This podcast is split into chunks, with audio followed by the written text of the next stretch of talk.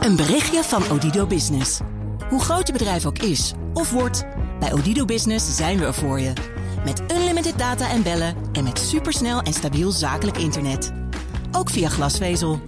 Ontdek wat er allemaal kan op odido.nl/slash business. Het kan ook zo. De BNR Nationale Autoshow wordt mede mogelijk gemaakt door Lexus. Nu ook 100% elektrisch. Nieuwsradio. De Nationale Autoshow. Meindert en Wouter.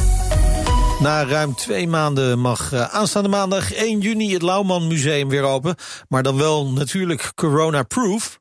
En het aardige is, het museum bestaat tien jaar. En uh, wat niet tien jaar bestaat, is uh, de bijtelling. Want die verandert namelijk ieder jaar. En ook dit jaar gaan we natuurlijk weer iets veranderen. Want dat is lekker. En fiscale regels, die moet je gewoon voor regelmatig wijzigen.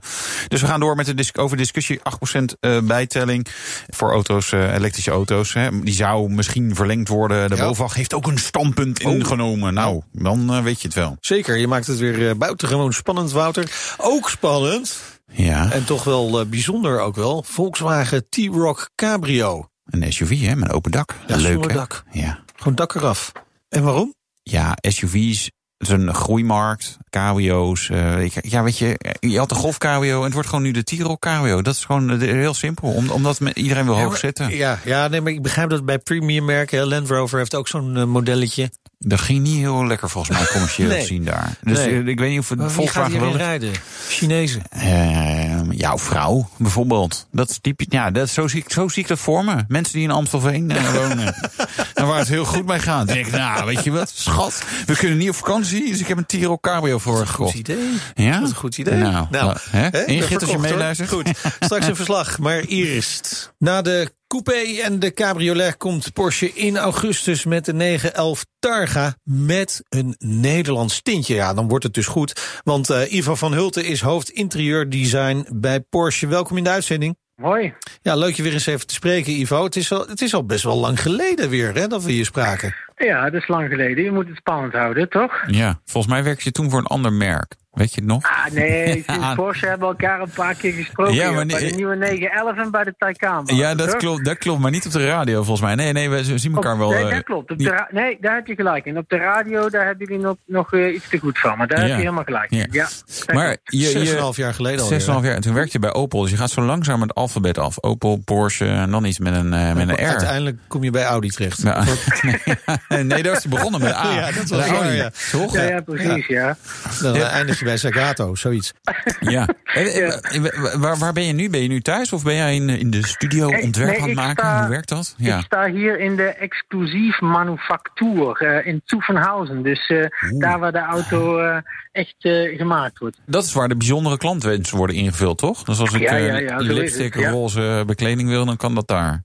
Dat kan daar, ja, dat Ja. klopt. Helemaal Maar waar. Ivo, Ja. het, het, eh, het is alsof het, het is, klinkt heel rustig daar. Gebeurt er niks? Nee, wij zijn helemaal voorbereid op, eh, op calls met journalisten. Dus vandaag hebben we het mooi stilgemaakt met zulke goede mensen als jou. Dus wat dat betreft eh, zijn we helemaal goed voorbereid. Ja, Ja. En daarom is het heel netjes stil hier. Ja, maar het is natuurlijk wel een gekke, gekke periode geweest. Hè? Met eh, de afgelopen ja, ja, tijd. Met, met de coronabesmettingen. En de manier van werken is natuurlijk heel anders geweest. Heb, heb jij veel thuis gewerkt? Nou, we hebben op de designafdeling ook eh, toch wel moeten omdenken. Omdat we natuurlijk veel aan kleinmodellen werken en dat soort dingen. Maar gelukkig ook steeds meer digitaal. Dus we, ja, we hebben natuurlijk ook wel anders moeten werken de afgelopen tijd. Maar we waren toch wel verrast dat het eigenlijk ook heel goed ging. Dus we hebben er zelf ook best wel veel van eh, kunnen leren, moet ik zeggen, van deze periode. Ja, Maar het is wel een beetje wennen als je rondloopt en zo weinig mensen tegenkomt hier. Ja, helemaal Ja. waar. ja, want hoe belangrijk is dat voor het creatieve proces? Dat je, dat je toch gewoon ja, mensen tegenkomt en wat ideetjes tegen elkaar aangooit? Of, of kan dat digitaal ook wel? Ik denk dat het altijd gewoon belangrijk blijft. Hetzelfde dat wij het gewoon belangrijk vinden om ook met de hand nog echt kleinmodellen te maken en zo. Dat zijn wel dingen die echt bij, bij de job horen. Dus Ja. uiteindelijk Dus, zou ik wel graag weer klei bij jou naar, voor de eh, deur gezet eh, een paar weken geleden. Nee, nee, helaas niet. Of gelukkig niet, kan ik beter zeggen. Eh, maar weet ik ook niet wat er dan uit was gekomen. Maar nee, nee, nee. Ja. Maar voor, voor je collega's met kinderen, de scholen in Duitsland waren natuurlijk ook dicht. Dus was het wel lekker dat die Ja, mee en seconden helpen met papa en mama met klei. Van, kom, we ja, gaan ik nieuw. heb ook een klein zoontje van bijna vier. Dus uh, wij zitten natuurlijk ook thuis uh, Ja. de hele dag met hem te kijken. Het is hartstikke leuk, maar af en toe word je er natuurlijk ook gek van. Dus uh, Heb ik je denk net- dat mensen je- dat allemaal wel weten. Heb je net een nieuwe 911 Targa uit klei uitgesneden, maak je zoontje er een dino van. Ja, Oh, het kan zomaar gebeuren dan. Eh, Het, het, even een kleine anekdote. Ik zat een paar keer ook in een call eh, voor het werk. Natuurlijk ook thuis af en toe. Ik ben wel redelijk vaak nog naar het werk toe geweest. En dan op een gegeven moment vond hij het zo spannend... dat hij allemaal briefjes onder de deur door te schuiven en zo. Dus hij, eh, ja, ja, is hij natuurlijk ook niet gewend. Dus ja, dat is altijd wel even wennen. Zo, ja. Maar Ja. dat is mooi. Helpt dat je ook? Want ik bedoel, door dit soort gekke situaties kom je misschien ook alweer tot, tot briljante nieuwe ingevingen. Tenminste, dat hopen we dan toch. Ik moet gewoon eerlijk zeggen, het was gewoon in het begin echt even omdenken van hoe gaan we dit allemaal doen. We hebben toch echt wel, ik ben, verantwoordelijk voor een team van 50 mensen. Ja. Het is allemaal heel eng op elkaar, of heel nauw op elkaar afgestemd, het Ja. hele proces. Dus we moesten op een gegeven moment echt kijken hoe krijgen we de mensen naar huis toe met hun computer en al dat soort dingen. Maar hebben gewoon eigenlijk snel een paar beslissingen genomen en uiteindelijk hebben we het gewoon goed voor elkaar gekregen om niet veel tijd te verliezen voor onze projecten die nu lopen. Dus Nee, eh, nee. ja, en wat ik al zeg, we hebben er ook van geleerd dat je eigenlijk toch meer digitaal kunt doen als je soms zelf denkt. Dus eh, ja, je moet het gewoon als een opportunity nemen, toch? Ja, dat is waar. Nou, en het leert ons volgens mij inderdaad wel ook gewoon snel beslissen. Dus dat, dat is inderdaad wel grappig. Dat je van ja, je moet. Hè? Dus dat, dat helpt soms wel. Ja, Eh, precies. Ja, dit ja, project waar je mee bezig bent, daar zijn we altijd zo benieuwd naar. Hè? Want dat is natuurlijk de Ja, toekomst jongen, ik van zou het allemaal zo graag willen vertellen. Ja, stuur even die schetsen door. Ja, maar maar je ja. weet het toch, er staat Ja. toch in mijn contract dat ik niks mag zeggen. Nee, niks, hè? Ja, Ja. toch Ja, jammer. Ja, ja. Toch maar een uh, klein beetje even hè, eh, refererend aan, eh, eh, aan het model wat we nu hier eh, vandaag eh, onthullen. Daar komen er nog een paar meer van. Dus we willen echt een soort van verzameling maken van die heritage auto's. En dit is de eerste in die, in die, in die line-up, zeg maar. Ja, deze verwijst zo'n beetje naar eh, de 50er, begin 60er jaren. Maar we gaan ook eh 70er, 80er jaren gaan we ook nog doen. Dus eh, Oh, ja, dat eh, wordt allemaal wel cool. Ja. ja. Jaren 50 was er nog geen Porsche 911. Dus dan, dan, dan eigenlijk moet je iets anders hebben, hè? Wij hebben bewust gezegd, we gaan een, eh, een nieuwe interpretatie doen van thema's van vroeger, zeg maar. Dus we Ja. hebben als hoofdthema genomen 50er jaren, 60er jaren, 70 jaren en Ja. 80er jaren. En in de 50 jaar precies, toen was er nog geen 911, dus dan de 356 waar we naar verwijzen. Ja. En de begin 60er jaren. En eh, ja, de eerste Targa die was in 1965, hè. Dus eh, ja, Ja. een echt lifestyle Ja. product wat we genomen hebben. We we zijn wel benieuwd wat er Nou. dan allemaal nog, eh, nog aankomt. Ja, niet, Meiners? Ja. Zeker weten, Ja. ja, absoluut. Eh, Hoe beslis je welke dingen bi- binnen de filosofie van Porsche passen? Want het is natuurlijk een heel sterk merk, maar ook met een soort regels bijna die daar dan aan vastzitten. vaak vragen mensen ook van, ja, hoe is het om voor zo'n merk inderdaad te designen? En dat is bij Porsche denk ik wel echt de challenge. Aan de ene kant heb je een hele sterke history of heritage, zoals zij dat noemen. En aan de andere kant was het merk, of is het ooit ontstaan, omdat ze gewoon heel eh, vroeger ook een hele grote push hebben gehad om vooruit te denken. Dus dat is zo'n beetje die balans die je moet vinden als je voor dit werk vindt. Hoe ga je met die twee kanten om? En ik denk dat dat wel mooi is, ook nu in onze portfolio. Bijvoorbeeld zo'n product als de Taycan, die echt eh, heel erg vooruitstrevend was.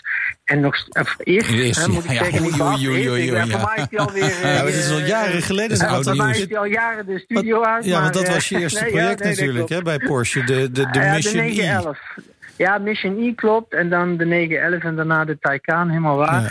En, eh, en aan de andere kant hebben we natuurlijk ook eh, bewust eh, een aantal dingen waar we ook willen verwijzen naar onze rijke historie. Zoals nu dit mooie, ja, deze mooie Heritage Design Ja. Edition. ja. Cool. Maar die, die Mission E, hè, was dat dan wel, want dat was je eerste project, was dat dan wel een fijn eerste project? Want ik kan me voorstellen dat je daar toch wat meer vrijheid hebt gekregen. Ja, dat was natuurlijk een supermooi project. Kijk, als je net gaat beginnen en je mag met een, een wit blad papier eigenlijk starten en gewoon de toekomst gaan bedenken voor het merk. Ja, daar heb ik echt eh, super van genoten. Dat was een super mooie, een mooie kans, zeker weten. Ja, En, en een mooi moment om je stempel gelijk erop te drukken natuurlijk. Ja. ja helemaal waar. Ja. Ja. Ja. Ja, jullie hebben nu gezien wat eruit gekomen is. Dus, eh, Ja. Wat is de belangrijkste verandering in het interieur die, die, die je bij Porsche hebt doorgevoerd? Met, met het team natuurlijk, hè? Maar De, dus de sinds jij er Ivo van bent. Hulten signatuur. Ja, ja, de IVH Ja. die, er, die overal in patroontjes zie. Nou, ik, ik denk dat het belangrijkste, de belangrijkste stap ook wel was. Daarvoor hadden we natuurlijk uh, wat veel meer knoppen in het interieur. We hadden ook veel meer bijvoorbeeld zo'n soort van T-vorm, die ook ontstaan was door de nieuwe screens die in de interieurs kwamen. En we hebben het toch weer met het team samen een beetje kunnen terugbrengen. En dat was dan ook wel mee mijn input naar een meer horizontale lijnvoering. Die wat meer herinnert ook aan de oude Porsches. Ja. Maar natuurlijk op een hele moderne manier dan weer omgezet zijn. Of wat ik ook zelf een mooi, bij, uh, mooi uh, voorbeeld vind, is bij de Taycan hebben we een, als eerste ook een, een combi-instrument gemaakt. Wat, wat breder is als het stuur. En dat heeft geen enkel ander merk. Zonder uh, een binnacle of hoed, zoals ze in het Duits zeggen. Zonder Ja. zo'n kapje wat schaduw erop werpt. Ja. En, en ja, gewoon eigenlijk met hele moderne technologie een soort van thema nog een keer gebracht wat we eigenlijk vroeger al in ons merk hadden. Dus uh, ja, ik vind op zich uh, wel de uniqueness wat ik heb kunnen inbrengen. Maar uh, ook wel irritant dat je niet alles ziet, want het stuur uh, blokkeert een aantal, een aantal dingen op, op het scherm bij de 911 en bij de Taycan. Bij de Taycan hebben we een aantal functies die liggen direct buiten het zichtveld, dus die kun je gewoon wel altijd goed zien. En inderdaad, bij de 911 staan een aantal dingen afgesneden. En uh, ja, er zijn verschillende standen die je kunt instellen op de digitale klokken, waardoor je toch dan alles kunt zien. Maar in bepaalde functies uh, zijn er soms wel wat dingen afgesneden. Maar er zijn bewust dingen zoals de tijd of zo. Dan moet je een beetje je hoofd bewegen. Dus soms zijn er trade-offs om iets bijzonders te doen. Dat klopt. Ja, dat is wel bewust gedaan. Om to toch een beetje de gebruiker te irriteren. Ja, ja, het is wel een sportauto. Ja, het moet niet ja, te praktisch worden allemaal. Precies. Als je, uh, soms is het ook een beetje... It's the pain you're gonna learn to zeggen ze wel eens hè, bij een sportauto. Ja, dat, dat, is, dat is natuurlijk waar. Uh, wat ik wel jammer vind, is... is uh, jij bent ook een beetje de man van het pookje. Ja. De pook van de Audi R8. Uh, in de handgeschakelde 911, die ik overigens nog niet heb gezien, de nieuwe... hebben we ook weer een pook. Maar in de automaat, ja, een soort scheer, een scheerapparaatje, een hele kleine. Heb je niet meer zo'n pook? Waarom PDK, niet? bediening, ja, ja, de PDK, ja. ja. ja. Dat, dat, dat is echt zo'n klein friemeltje, zeg maar je hebt het eigenlijk goed uh, uitgelegd, vind ik. Want we hebben dus twee varianten. Mensen die echt een pook willen hebben, die moeten natuurlijk de analoge bak nemen. De ja. echte schakelbak die er nu ook komt. Ja. En uh, aan de andere kant voor mensen die uh, ook veel aan het stuur schakelen. Ja, daar hebben we inderdaad nog een klein pookje wat nodig is. Maar dat moet natuurlijk niet met die, het formaat hebben van een oude schakelpook. Dat past eigenlijk niet meer. Nee. Is het voor een designer fijn dat alles zo digitaal wordt? Je scherm en zo hebt? Uh, want je zou ook kunnen zeggen, ja, maar die klokken en, het, en dat, zeg maar, dat is een mooi soort ambacht. Dat is eigenlijk zo een beetje die balans die we proberen verder bij, uh, bij te behouden. Ik, ik kom altijd altijd met mijn Duitse termen weer. Hè, maar, ja, mag hoor. Nee, ik snap. Ja, ik zit al meer dan 15 jaar in Duitsland, joh. Dit is altijd zo verschrikkelijk. Ik lijkt wel zo'n oude oom die al met al van die Duitse termen komt. Maar in ieder geval, ja. dus die combinatie van uh, analoog en, uh, en digitaal, dat is een beetje wat wij ook bij de 911 hebben geprobeerd in, in stand te houden. En uh, vandaar nog die, uh, die analoge RAV counter en dan die digitale schermen daarnaast. En bij de Taycan zijn we bewust verder gegaan. Dus daar zijn we compleet digitaal gegaan. Dat past natuurlijk ook bij een elektroauto. Dus we hebben daar uh, uh, beide kanten zeg ja. maar bediend. Ja. Maar je kunt, je kunt in, die, in die software natuurlijk ook wel die historie van het uh, merk terug laten komen. Hè? Volgens mij zitten er ook vijf tellers, net zoals bij de eerste 911. Absoluut, precies. En die zijn ook uh, helemaal rond, zoals bij de eerste ja. 911. En ook bij de eerste 911 uh, werden de getallen een beetje afgesneden. Ja. En daar bewoog man gewoon nog zijn hoofd. Ja. Lekker actief uh, achter het stuur, dan moet je toch zitten. Dat irritante stuur, dat kan op termijn natuurlijk wel gewoon weg als die auto autonoom gaat rijden. Als we dan toch uh, tot de laatste ja. zin komen, zeggen we altijd bij Porsche, dat, dat zal de laatste auto zijn die nog een uh, stuur heeft, zeggen wij. Omdat het natuurlijk gewoon bij de filosofie van een sportwagenmerk past dat je ook uh, gewoon in controle wilt blijven. Dus misschien zijn er wel tussenstappen, maar uiteindelijk zeggen wij altijd nog een stuur erin. Ja. ja, ja Dankjewel. En, en dat is wel een geruststelling ook. Dankjewel. En succes Ivo van Hulten, hoofd interieurdesign bij Porsche. De Nationale Autoshow. Wouter. Ja? Ja, een paar weken geleden hadden we het in onze show over het uh, met een jaar verlengen bijvoorbeeld van de 8% bijtellingsregeling hè, voor elektrische auto's. Vanwege... Ja de, corona. coronacrisis. Ja. Want uh, veel elektrische auto's dreigen namelijk uh, te laat naar Nederland te komen, waardoor de bijtelling voor die auto's dan omhoog gaat. Per ja, nou ja, Ford uh, Mustang Mach-E, waar, ja. waar wij op Autoblog de allereerste die dat officieel konden melden. Ja, ik moest af ik moet van de auto vaker roepen dat ik daar ook dingen voor doe. Maar nee, nee je, je kan er ook wel een beetje de klok op gelijk zetten. Dat dat er een, een aantal mensen buiten de, de, de pot gaan pissen. Ja. Of boot gaan missen, noem je dat? Ja, ja, zoiets. Nou ja, in ieder geval het voordeel gaan missen. En 12% is toch iets anders dan 8% bijtelling. Ja. Hoe denkt de autobranche erover? Nou, de leasemaatschappijen zijn natuurlijk voorstander van de verlenging. Want het is natuurlijk een beetje wc, hè, vraag naar wc en naar de beste wc-reiniger. Nou, dan weten ze dat ook wel uh, te vertellen. De Vereniging Elektrische Rijders. Nou, je verwacht het niet. Jo. Maar die willen natuurlijk graag dat iedereen elektrisch gaat rijden. Rijvereniging is tegen uh, verlenging. Dus nou, dan hebben we nou, een paar mensen voor en een paar mensen tegen. Dus de beslissende stem moet Komt komen van, van de BOVAG. Ja, nou, precies. Nou, ja, de BOVAG kon toen nog uh, niet reageren in onze uitzending... want de branchevereniging wilde eerst een evaluatie afwachten. We hebben nu contact met uh, Peter Niesink, directeur van de BOVAG. Welkom in de uitzending. En volgens mij zit je in de auto.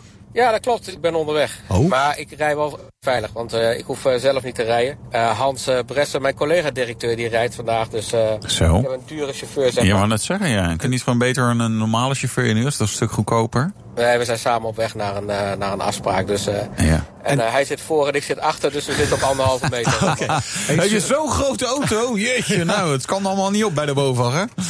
Of zit je in een soort busje? Nee, ik zit, uh, ik zit in mijn, in mijn, toevallig in mijn eigen auto. Hans die wou een keer in een Volvo rijden. En een Oh, Volvo. Volvo. Ah, Ja, ik wilde oké. vragen, want het is wel een hele stille auto. Het is dus niet elektrisch. Nee, het is, uh, het is een uh, S90, maar een benzineauto. Dus, Ah, oké. Maar heerlijk, heerlijk rijden. Ja, nou zeker. Als je daar dan rechts achterin moet, is dat wel een, een hele, hele fijne uh, natuurlijk. De 8% bijtelling, daar gingen we het uh, over hebben. Want er, er zou een evaluatie uh, plaatsvinden. De, de, waar, waar ging die precies over? Wat al een tijdje speelt, is dat de, de, de Tweede Kamer die wilde een, een hand aan de kraan principe introduceren. Toen we over die, uh, die bijtelling hadden. En uh, daar waren wij niet zo gelukkig, of daar zijn we niet zo heel erg gelukkig mee met dat, met, met dat principe. Wat dat betekent dat je eigenlijk uh, in het jaar een soort tussentijdse bijstelling zou kunnen krijgen. Uh, waar je als branche niet of nauwelijks op kunt reageren. Hè. Stel voor dat die Kamer zegt van uh, in het voorjaar, nou, wat, wat zijn de cijfers? Goh, dat valt ons een beetje tegen, of het is juist veel te veel.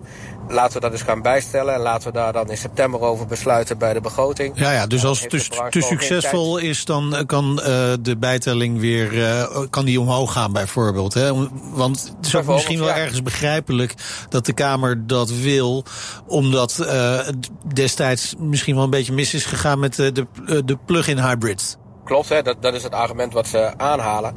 Maar wat wij steeds tegen ze zeggen is, uh, ja, let nou op, de, uh, uh, de branche koopt maanden van tevoren in, hè, zo niet een jaar. Daar zijn de aantallen op afgestemd. Hè, dat, je zit natuurlijk ook met productie. Dus iets bijstellen ergens in september, dat heeft helemaal geen zin om, om daar nog op te kunnen anticiperen. En dus wij hebben steeds gezegd, ja, maak nou bestendig beleid. Geef nou de branche, en, maar vooral geef de klant, hè, de consument, nou gewoon een, gewoon een duidelijkheid voor een paar jaar. En dat is ook de reden waarom we altijd die autobrieven hebben gehad die voor vier jaar gelden. Wees, wees bestendig in je beleid. Ja, dus dat is, daarmee zeggen van nou ja, nee, stel maar niet bij. Uh, maar ja, weet je, we zitten in een jaar uh, coronacrisis. Het is, het, is, het is er maar natuurlijk volledig onvergelijkbaar met alle andere jaren. En dat zou natuurlijk dan best kunnen zijn van nou, laat, laten we dan even doen alsof die drie maanden uh, waar we nu nog in zitten, er even niet zijn geweest. Dus, dus die, die maatregel even verlengen. Dus die lage bijtelling toch houden. Ja, dat was ook de reden waarom wij wat later waren. We hebben daar eens even goed naar, naar gekeken. En Kijk, waar je van moet uitgaan is, wat ook al eerder in een brief is geschreven door, door de minister aan de Kamer, waarin hij een soort brandbreedte aangeeft. Van ja, als die, hè, als die uh, verkopen EV nieuw, als die tussen de 20 en de 50.000 uitkomen, ja, dan, dan kun je zeggen dat, dat het doel is geslaagd. Dus dan hoef je niet bij te stellen. Wij hebben eens even gekeken de afgelopen periode hoe dat nou is gegaan. En, en tot en met vandaag zijn er ongeveer 11.000 uh, vol elektrische auto's verkocht. Nou ja, uh, we hebben nog uh, uh, een flink aantal maanden te gaan. Hè. We rekenen er ook op dat natuurlijk de boel wel wat herstelt in het tweede deel van het jaar. dus, dus wij denken dat je wel binnen die bandbreedte uit gaat komen. Ja, dat, dat, dan pleit alles voor bestendig beleid. En, en wijzigt dan niet die bijtelling, is, is ons idee. Nee. Oké, maar omhoog gaan betekent wel minder EV's. Ja, dat klopt. Maar het, tenminste, dat klopt. Dat, dat, zou je, dat zou je kunnen zeggen. Aan de andere kant, wat we nu ook zien, en dat brengt die coronacrisis ook met zich mee, is dat bijvoorbeeld werkgevers uh, zeggen, ja, dingen moeten anders, dingen moeten duurzamer. Hè. We zien ook een behoorlijke uh, run-up naar de fiets bijvoorbeeld. Ja. Maar wij denken ook dat, dat bedrijven gaan nadenken over uh, nou, wat voor werkgeversregelingen hebben we, wat voor auto's willen we dat we rijden. Dus er is ook een andere uh, uh, autonome ontwikkeling als het gaat over duurzaam. En, uh, en ik, wij denken dat dat ook een impact zal hebben. Ja. Moet je dat nou steeds blijven stimuleren via fiscaliteit? Of kun je ook rekenen op uh, andere inzichten die er bij werkgevers en bij, bij consumenten zijn. En uh, ook dat zul je mee moeten nemen in je beleid. Ja, maar dat neemt niet weg dat er gewoon heel veel fabrieken een hele lange tijd hebben stilgelegen. Dus dat gewoon die productie ook opschuift. Hè. Dus heel veel mensen die het misschien wel zouden willen, die komen straks gewoon niet meer in aanmerking voor die 8%. Dat is toch zonde? Nou, wat ik me zou kunnen voorstellen is dat je een coulance regeling maakt op het moment dat mensen hem dit jaar hebben besteld met de, in de veronderstelling dat ze hem dit jaar ook geleverd krijgen. Die gedupeerd worden omdat de productie uh, stil heeft gelegen. Ik kan me voorstellen dat je daarvan zegt, daar geldt wel die 8% voor. Maar dan echt als een coulance uh, met, met echt een aankoop en een bedoeling om dit jaar ook zo'n auto te gaan rijden. Um, maar ja, nogmaals, wij, wij zeggen, blijf nou bestendig in het beleid wat je hebt gevoerd je hebt vorig jaar gezegd dat er een, mhm. eh, een, ontwikkeling zit in die bijtelling van 4 naar 8 naar 12. En ja, daar rekent de branche op en daar kan de consument ook op rekenen. Dus uh, met de aantallen dus die we nu zien, hè, de verkopen die we nu zien, zien wij geen aanleiding om, om die bijtelling nu uh, drastisch te gaan wijzigen. Nee, maar je zegt met de intentie om hem dit jaar nog te gaan rijden, wanneer zou je hem dan uh, besteld moeten hebben om voor die coulance in aanmerking te komen? Dat verschilt heel erg per, per merk. Hè en, per model. En wat is er voorradig en, en wat kan normaal gesproken geleverd worden. Als mensen het, het overwegen, dan zeg ik ja, ga nu naar de showroom toe. Hè. Onze, onze leden zijn allemaal open. Uh, je kunt daar nu prima terecht om een, om een auto te bestellen. Dus uh, niks let je om dat, nu, om dat nu te gaan doen in plaats van te wachten tot het eind van het jaar. Dus nou ja, bestel je hem nu, dan heb je ook de grootste zekerheid dat je hem op tijd geleverd Ja, je hebt alleen dat, dat kleine probleempje potentieel dat je misschien uh, niet zoveel geld verdient dit jaar door de coronacrisis. Dus mensen zijn natuurlijk wel onzeker, denk ik, over, over ook dit soort forse aanschaffen. Want een elektrische auto is natuurlijk niet heel. Hè, is in ieder geval de bovenkant van de markt, uh, gemiddeld gezien. Ja, aan de andere kant, wat, wat ook nog wel een stimulans kan zijn, is uh, wij verwachten dat begin juni in de staatscourant de subsidieregeling wordt gepubliceerd voor particulieren. Hè, dus de, ja. de aanschafsubsidie voor elektrisch. En die dan ook vanaf dat moment in zal gaan. Dus dat zou voor particulieren nog wel een overweging kunnen zijn om daar dit jaar gebruik van te gaan maken. Eh, ook omdat daar een, een, een, bepaald budget aan zit. Hè. Dat is geen oneindige regeling. Dus nee. wij zullen ook particulieren gaan oproepen. Overweeg je om uh, elektrisch te gaan rijden.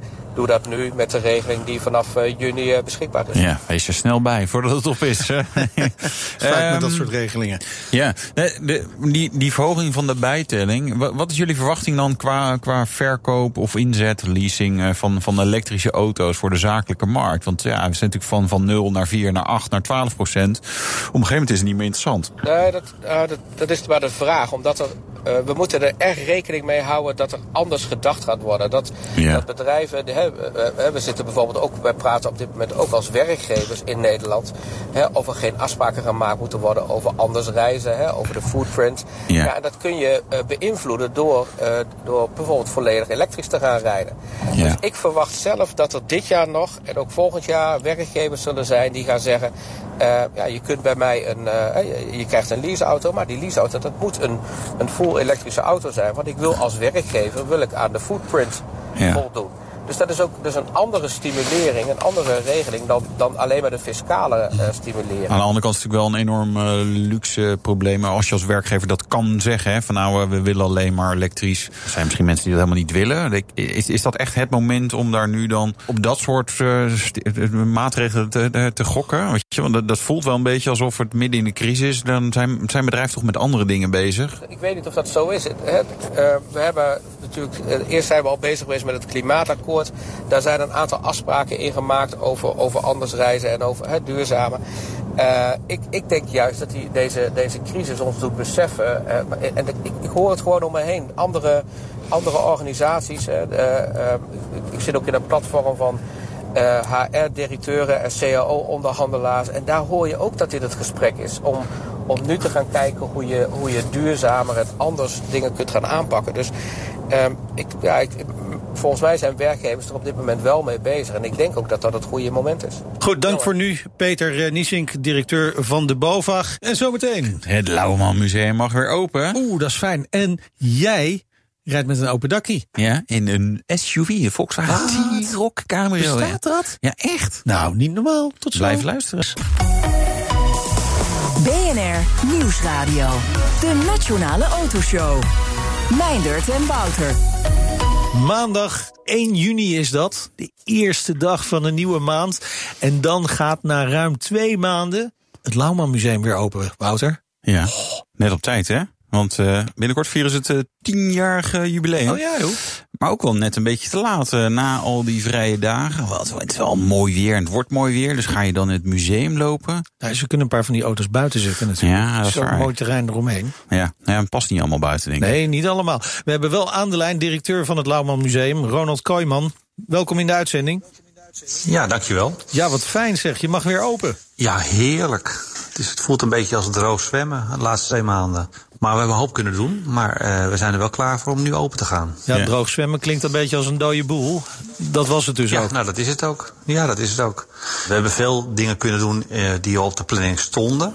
Ja. Dus onderhoud, schoonmaken, et cetera. Dit hebben we natuurlijk naar voren gehaald. Dat en je administratie is ook weer bij, denk ik, of niet? Ja, mijn kantoor is nooit zo opgeruimd geweest.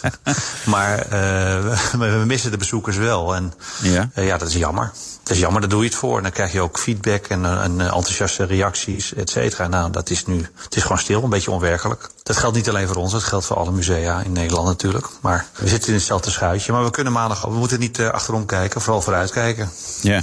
Uh, is, is het museum dan nu helemaal coronaproof? En, en hoe werkt dat in een museum? Het lijkt Nou, lastig, de- al we die, die, die auto's in desinfecteren. Voor je het weet valt er een onderdeel af. Maar in de auto's mag je niet komen. Dus Nee, dat, dat is dat is Nee, dus je hoeft ook niet Nee. alle eh, kinderhandjes ervan af te poetsen de afgelopen Nee, weken. dat was sowieso niet toegestaan. Maar eh, natuurlijk moeten we een aantal eh, eh, maatregelen treffen. Dat doen we ook. Dat hebben we gedaan al. En eh, de, er, zijn, er is een heel protocol voor de branche geschreven, de museumbranche. En die volgen wij natuurlijk. En Ja. die gaan uit van de RIVM-richtlijnen, et cetera. En daarnaast is er iets wat heel belangrijk is, wat veranderd is. Je moet kaarten van tevoren bestellen en reserveren een aanvangstijd. En dat is nieuw.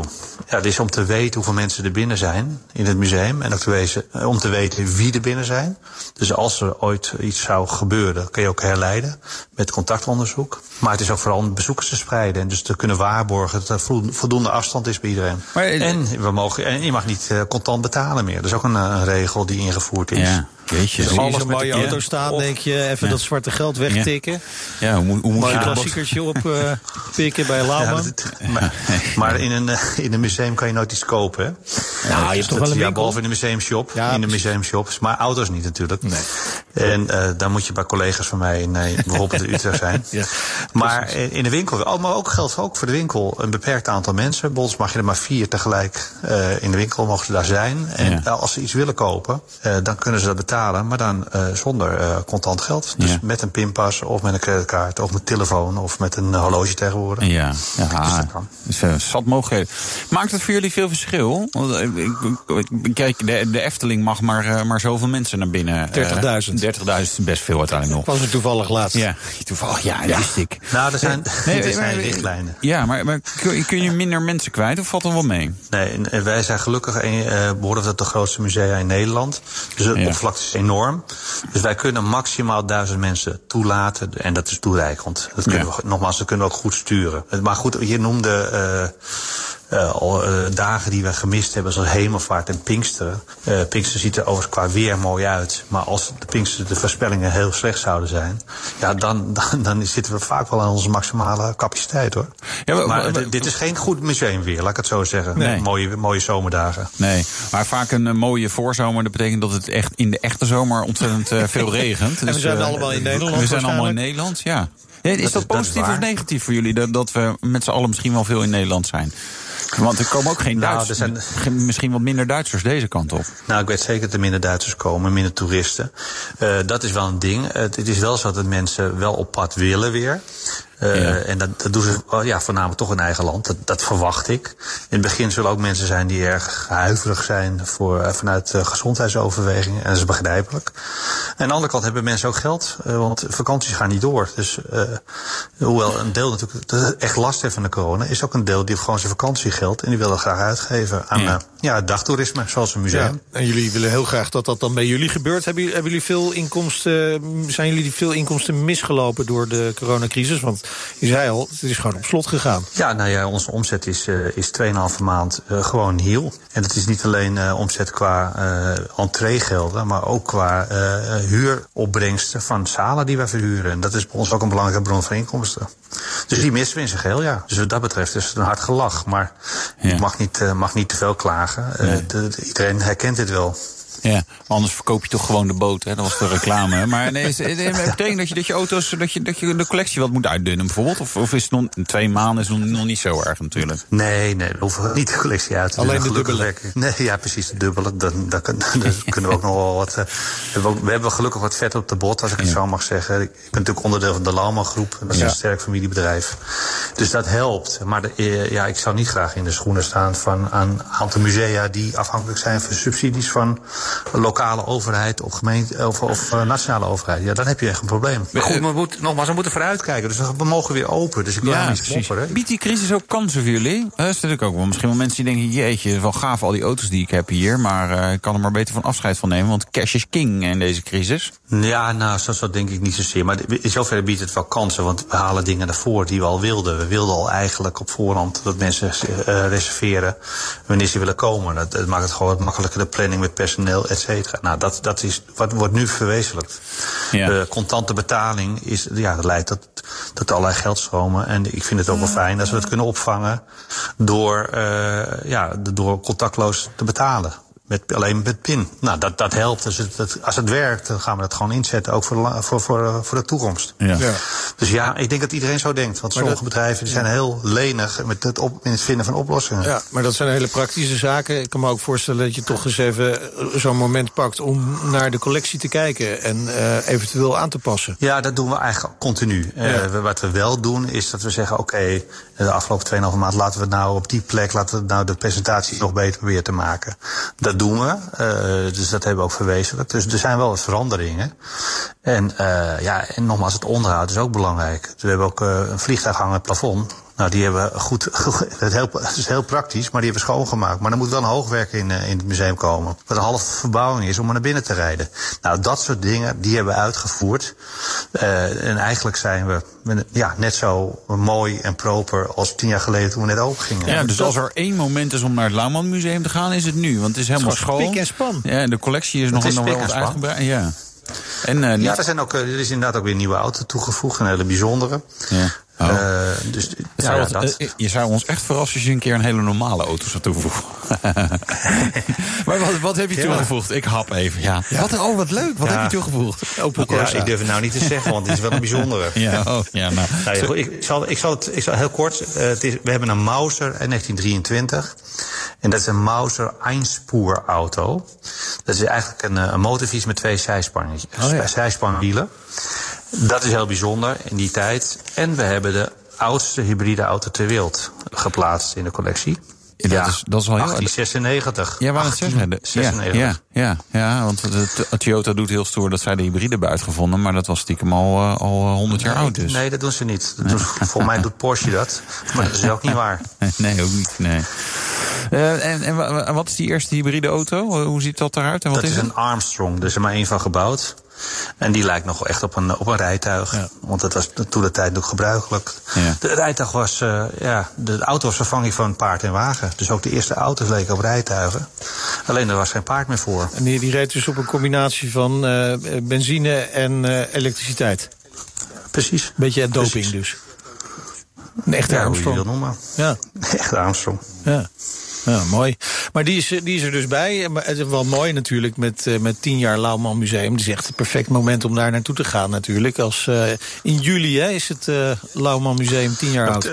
2 juli 2010 zijn we open gegaan. De, de, de koningin Beatrix destijds heeft het toen geopend. Ja, het wordt wel een beetje een, een echt feestje. Is het natuurlijk niet in deze tijd. We, we, we moeten het op een andere manier maar gaan invullen in de toekomst. Ik weet niet hoe het gaat worden. Vanaf 1 juli mogen we 100 mensen tegelijk als met bijeenkomsten uh, ontvangen. Dus echt feestje zal het niet worden. Nee. Ja, misschien die, niet die ruimte krijgen we nog niet. Maar we gaan het inhalen, dat weet ik zeker. Ja, okay. ja, ja. Nou ja, tien jaar en twee maanden op 2 september. Dan, uh, ja. Bijvoorbeeld. of twaalf en half jaar, nou, dat duurt wel heel lang. Dan zijn we zeker uit de coronacrisis. Um, je, je, je, hebt een, een, een speciaal een top 10 eigenlijk samengesteld... Hè, van de meest bijzondere auto's in het, in het, in het museum hè, voor, uh, voor, om de tienjarig bestaan. Is, is dat lastig om, om je tien favoriete kinderen te kiezen? Ja, nou, ja. het is een beetje kill your darlings. Ja. Uh, ja, dat is lastig. Ook omdat de collectie zo breed is. Uh, hoe vergelijk je een auto uit 1890 of 1899 met een auto die redelijk modern is? Het is een beetje appels met peren vergelijken. En ik heb daar gewoon een selectie gemaakt van auto's. Ook over de breedheid van de collectie. Omdat elke periode toch wel zijn eigen charme heeft. En uh, ja, qua, qua vormgeving en prestaties zijn toch wel de jaren 50, 60 het mooist, vind ik. Maar uh, ik heb ook een auto genoemd uit 1899, een, een Benchje. En dat is een periode, dat, uh, als je zo'n auto rijdt, dat is fantastisch. Maar dat, dat realiseren mensen niet, omdat de meeste mensen nooit op een auto gereden hebben uit die periode. Ik zeg ook echt op een auto gereden want die zit er niet in. Die zit echt boven op een motortje. En je bent eigenlijk een beetje een soort van machinist en moest een auto rijden. Ja, dat kan je niet vergelijken zoals het nu is. Nee. Is dat wel nog de normale bediening met pedalen en zo? Want ik heb een keer T-Ford gereden. Daar ja. was, was het, zeg maar, dat je... Je moest juist het, het gas loslaten en dan, ja. dan reed hij vooruit. Het was best, uiteindelijk wende het ook wel weer verrassend snel. Maar het was, het was heel logisch was het ook weer niet. Nou, dat klopt. En het is, uh, dit is daarvoor nog eigenlijk, voor de T-Ford. En dan moet je, dat is een stuurkolom, die staat ook uh, verticaal. Uh, gewoon recht, uh, verticaal. Er zit een wieltje ja. op. En dan moet je aan, aan die stuurkolom zitten, zitten hendeltjes. En dan moet je met, het, met je knie moet je het hendeltje opzij doen.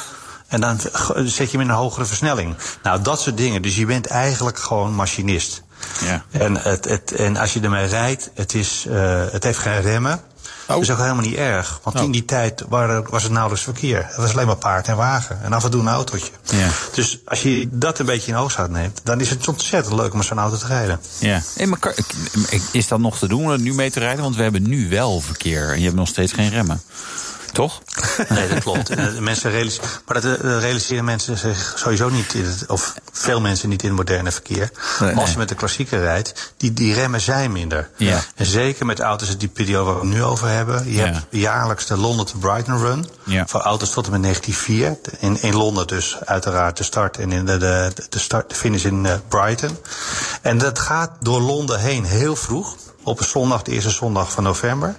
En dan krijg je uit de buitenwijken komen gewoon moderne auto's. En er gebeurt ook best ongeluk, omdat de moderne auto's ja. totaal verkeerd inschatten. Ja. ja. ze kunnen niet helemaal Londen platleggen nee. met verkeer, maar ja. ze kunnen het niet inschatten. Nou, het bleek wel te kunnen, want we hebben ze deze periode ook gedaan, toch? Dus, maar maar wel, wel leuk om zo'n auto, nu meteen die, zo'n auto te zien en, en, te, en te rijden, lijkt mij. Omdat je dan echt met, op dat moment zijn ze nog die auto echt aan het ontwikkelen. Ze zijn uit aan het vinden hoe het allemaal eigenlijk moet.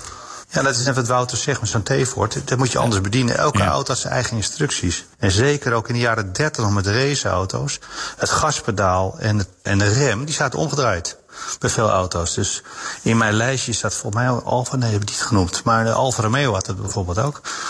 Dus, ja. dus was het precies omgedraaid. En als je dat, het gaat prima om te rijden. Alleen als je noodstop moet maken, moet je wel degelijk weten hoe het zit. Even, even een goede, goede pedaal. Ja. Dus goed oefenen eerst. We, we, kunnen niet de hele top 10 bespreken die je hebt gemaakt. Maar laten we toch nog even een paar andere auto's eruit halen. Een Mercedes-Benz SSK uit 1929.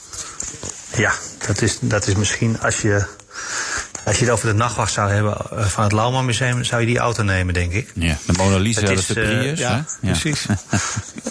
Bijvoorbeeld. uh, nee, maar de, uh, de Mercedes-Benz, ja, dat is, de, dat is een mastodont, dat is de machine. Dus de raceauto voor de oorlog. Er zijn er 30 van gebouwd en die van ons is nog helemaal origineel. En zij wonnen eigenlijk, met dit, met dit model won Mercedes alle uh, races in die tijd, 1929, 1930 en 31. De Mille Miglia, de Grand Prix van Spanje, Argentinië, Duitsland, et cetera. Deze auto overigens niet. En dat maakt hem ook de meest bijzondere auto, omdat hij helemaal authentiek is. En bij raceauto's wordt als uh, onderdelen vervangen ja. Ja, omdat ze kapot gaan met racen, et cetera. Dus deze auto's zijn alle nummers correct. En dat betekent niet alleen matching nummers, dus het chassis met de motornummer, maar ook de nummers in de motor, die, die, die kloppen ook allemaal nog. Deze komt dus deze nog volledig regelrecht zo uit de fabriek. Ja, dat is uit, ja een nieuw oldstok, als je zo ja, mag zeggen. Precies, ja, Cool. Het tegenovergestelde van uh, die SSK is misschien wel de Swan Car. Ja, en dat, en dat is meer uh, omdat het misschien de meest idiote, gekke auto is die ooit gebouwd is. Het is uh, een beetje een excentrieke grap van een, uh, ja, van een vermogend iemand die woonde en werkte in, in India, in Calcutta. En die wilde de loef afsteken met de Marathas, die puissantrijke Indiaanse prinsen. Die prachtige auto's hadden. En allemaal enkele stuks speciaal gebouwd. En deze man zei, ik ga een auto bouwen waar, uh, ja, waar iedereen flabbergasted van is. En dat is deze auto geworden. Van hout gemaakt, met bladgoud. En een, een zwanenkop die kan, geopend kan worden. En die stoom uh, verhit door de, kan uitblazen. Dus water verhit door de motor kan uitblazen uit de zwanenkop. En kan je je voorstellen in Calcutta met de menigte waar, die, waar geen auto rijdt. Nou, die worden uit elkaar gedreven. Dus als je dat ziet, ja, dat is mooi. En gek. Ja, lekker gek. Hè? Kon, kan ook alleen maar in, in die tijd kon dat en in dat soort landen. Nu, uh, nou, tegenwoordig nou, heb je nog wel van die hotdog-auto's. Ja, ja, daar komt geen stoom uit. Ja, deze auto is ook echt van de weg gehaald toen, omdat er zoveel... De auto is echt van de weg gehaald, omdat het zoveel ophef veroorzaakte. Ja. Uh, en uiteindelijk is hij gevonden en door ons gerestaureerd. Een jarenlange restauratie, dat is al enige tijd geleden. Maar dat is wel een van de bekendste auto's uit, uit de collectie ook. We hebben nog uh, tijd om één auto te bespreken, denk ik. En dan mag jij zelf kiezen uh, of dat de Lancia D23 uit uh, 15, 1553, dat kan niet. 1953. 1953 wordt of ja. de Toyota AA. Volgens mij zit daar een heel mooi verhaal achter. Want je bent wel eens eerder bij ons geweest over die Toyota. Ja, dat klopt. De, nou, de, de, de Toyota A. Kijk, de, de, de Lancia is bijzonder. Buiten kijf is er ook maar één van. Maar de Toyota AA, zover bekend, ook nog maar één. Er zijn er 1400 van gebouwd. En die hebben ontdekt in, uh, in Rusland. Vermoedelijk een oorlogsbuit van iemand. Uh, en vlak na de Tweede Wereldoorlog. En altijd in stand gehouden en mee gereden op een, uh, op een boerderij in Siberië. en de kleinzoon had die auto geërfd en die had het uiteindelijk aan ons verkocht. En het grappige is, niemand wist eigenlijk wat het was voor auto. Op de kentekenpapier staat notabene een Chevrolet uit 1943. Ja. Dus de kleinzoon weet niet eens dat hij een Toyota verkocht heeft van ons. Dat hielp wel met hem uh, te exporteren naar Nederland, want we hadden daar allerlei vergunningen voor nodig. En toestemming van het ministerie van Cultuur. Oh ja. en zo'n Chevrolet dus was niet heel bijzonder. Nee, die was niet zo bijzonder, maar een Toyota. Er is geen, uh, geen tweede auto bekend van Toyota van voor de oorlog. Want Toyota is begonnen in 1936 al. Ja.